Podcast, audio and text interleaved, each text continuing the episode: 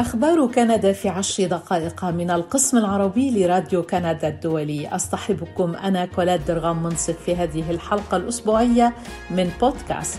في عناوين الأخبار هذا الأسبوع أوتاوا وطوكيو تريدان تعزيز علاقاتهما الاقتصادية والأمنية.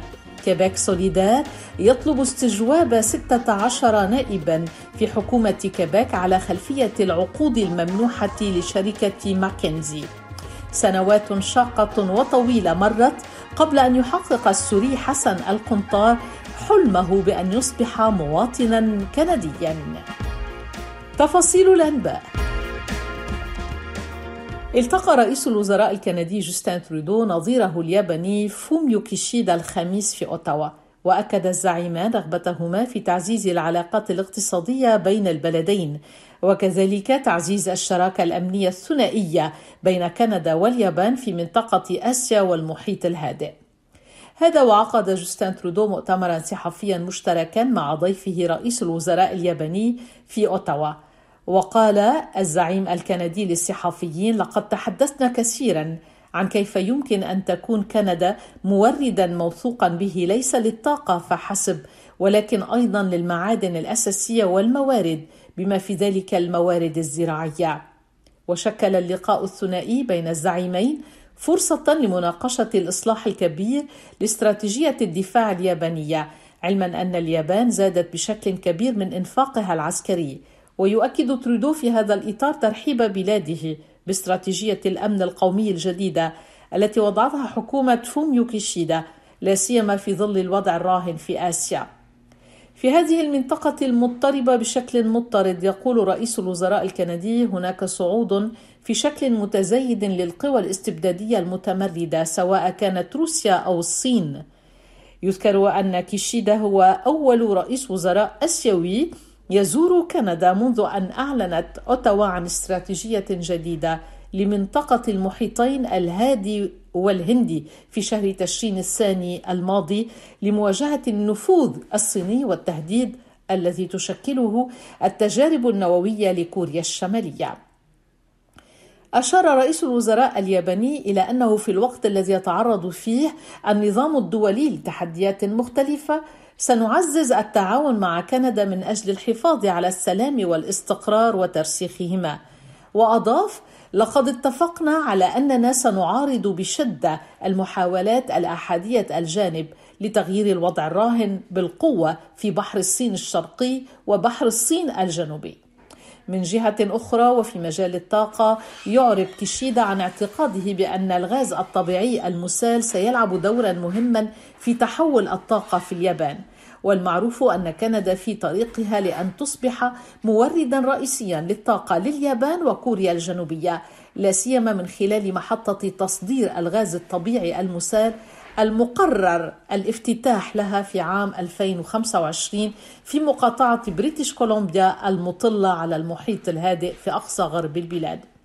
يذكر أنه في جولته للقاء نظرائه من مجموعة الدول الصناعية السبع التي تولت اليابان لتوها الرئاسة الدورية لها لمدة عام كامل. قال رئيس الوزراء الياباني أو قام بزيارة حلفائه في أوروبا هذا الأسبوع قبل التوجه إلى أمريكا الشمالية. وبعد زيارته للعاصمة الكندية توجه كيشيدا إلى العاصمة الأمريكية واشنطن. بسبب قلقه من نفوذ المستشارين دعا حزب المعارضة في حكومة كيبيك كيبيك سوليدار إلى تشكيل لجنة برلمانية. وطلب الحزب من غالبية نواب الوزراء الإدلاء بشهاداتهم أمام النواب لتوضيح الحاجة إلى لجوء الخدمة العامة إلى شركات استشارية خاصة. وفي رسالة موجهة إلى لجنة المال العامة حصلت هيئة الإذاعة الكندية على نسخة منها طالبت كيبيك سوليدار بتفويض لهذه المبادرة. وقع الرسالة الموجهة إلى رئيس لجنة المالية في حكومة حزب التحالف من أجل مستقبل كيبيك جان فرانسوا سيمار نائبة الحزب كريستين لابري وهارون بوعزي. هذا وجاء في الرسالة نشعر بالقلق إذا ما تم الكشف عنه مؤخرا بشأن تأثير بعض الشركات الخاصة في الإدارة العامة فضلا عن عدم الأخذ بالاعتبار بقيمة خبرة الدولة لصالح المتعاقدين الخارجيين. ويضيف نص الرسالة. يجب أن يكون البرلمانيون قادرين على فحص نطاق وقيمة وأهمية اللجوء إلى شركة ماكنزي وإلى أي شركة استشارية أخرى داخل جهاز الدولة. كما يريد حزب التضامن الكيبيكي الإعلان عن كافة العقود مع هذه الشركات وقيمة هذه العقود. وكانت هيئة الإذاعة الكندية كشفت في الخريف الماضي أن حكومة فرانسوا لوغو دفعت 35 ألف دولار يوميا مقابل خدمات ماكنزي خلال جائحة كوفيد-19 وقد عمل مستشارو الشركة الأمريكية بشكل ملحوظ على تنفيذ استراتيجيات الفحص والتطعيم والإمداد. خلال الأزمة الصحية أجرت ماكنزي اتصالات مع وزارات مختلفة في حكومة كيبيك مثل العمل والتوظيف والأمن العام. كما تلقت الشركة ملايين الدولارات من وزارة الاقتصاد لمساعدتها في إعداد خطة الإنعاش الخاصة بها. بالإضافة إلى المالية العامة تتمتع اللجنة البرلمانية التي يطالب كيبيك سوليدار بتشكيلها بصلاحية مراجعة من بين أمور أخرى إدارة الحكومة والخدمة العامة والمشتريات. هذا ويطالب الحزب أن تتمكن اللجنة من استجواب 16 نائب وزير. تجدر الإشارة إلى أنه في شهر أيار 2020 رفضت حكومة لوغو طلبا من أحزاب المعارضة للإعلان عن نقل كافة الآراء والوثائق التي تنتجها شركة الاستشارات الأمريكية.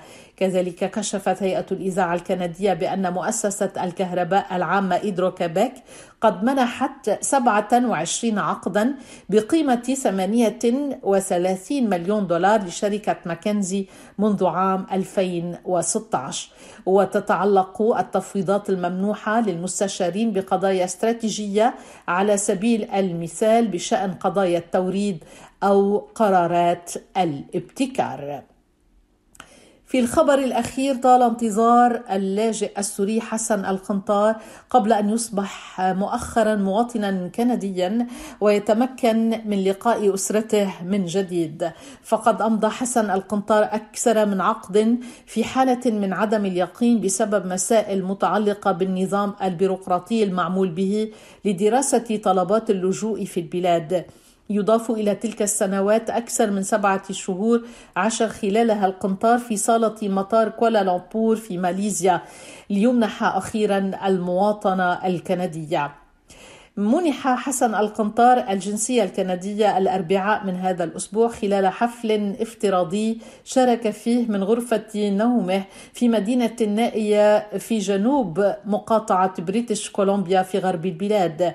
وكان اللاجئ السوري استحوذ على انتباه رواد مواقع التواصل الاجتماعي خلال إقامته في مطار كوالالمبور لمدة سبعة أشهر في عام 2018 وكان عالقا في ماليزيا لأنه لم يرغب في العودة إلى سوريا في خضم الحرب الأهلية. كذلك لم يرغب أي بلد في استضافته. هذا وبفضل الرعاية التي حظي بها من سكان بريتش كولومبيا وبمساعدة الرابطة الإسلامية في المقاطعة بالإضافة إلى جهود محاميه استطاع حسن القنطار الحصول على ملاذ في كندا. لم يكن هناك مأوى أو فراش ينام عليه هذا اللاجئ السوري في المطار الماليزي فكان ينام مستلقيا على أحد المقاعد أو تحت السلالم. واستمرت إقامة التشرد هذه في المطار من شهر آذار مارس إلى شهر تشرين الأول أكتوبر من العام 2018 وأحدثت قصته ضجة على مواقع التواصل الاجتماعي وجذبت اهتمام العديد من وسائل الإعلام العالمية. التقى الناس من كل أصقاع الأرض هذا الشاب وقدموا له التشجيع وأحيانا هدايا صغيرة كما يقول. ومن الذكريات التي يقصها المتحدث لبرنامج الطبخ موردو في تلفزيون هيئة الإذاعة الكندية أن أولى وجبات العشاء التي أعدها في ويسلر عند وصوله إلى بريتش كولومبيا كانت كناية عن طبق متواضع للغاية المجدرة الذي تعبق روائحه في ذاكرته مذ كان طفلا. يقول حسن القنطار عندما اتصلت بأمي لأخبرها أنني أطبخ المجدرة لأصدقائي بدأت بالصراخ وأخبرتني بأننا لا نستطيع تقديم المجدرة للضيوف. إلى هنا ينتهي البودكاست الأسبوعي. قدمته لكم أنا كولاد درغام منصف من راديو كندا الدولي. يتجدد موعدنا الأسبوع المقبل.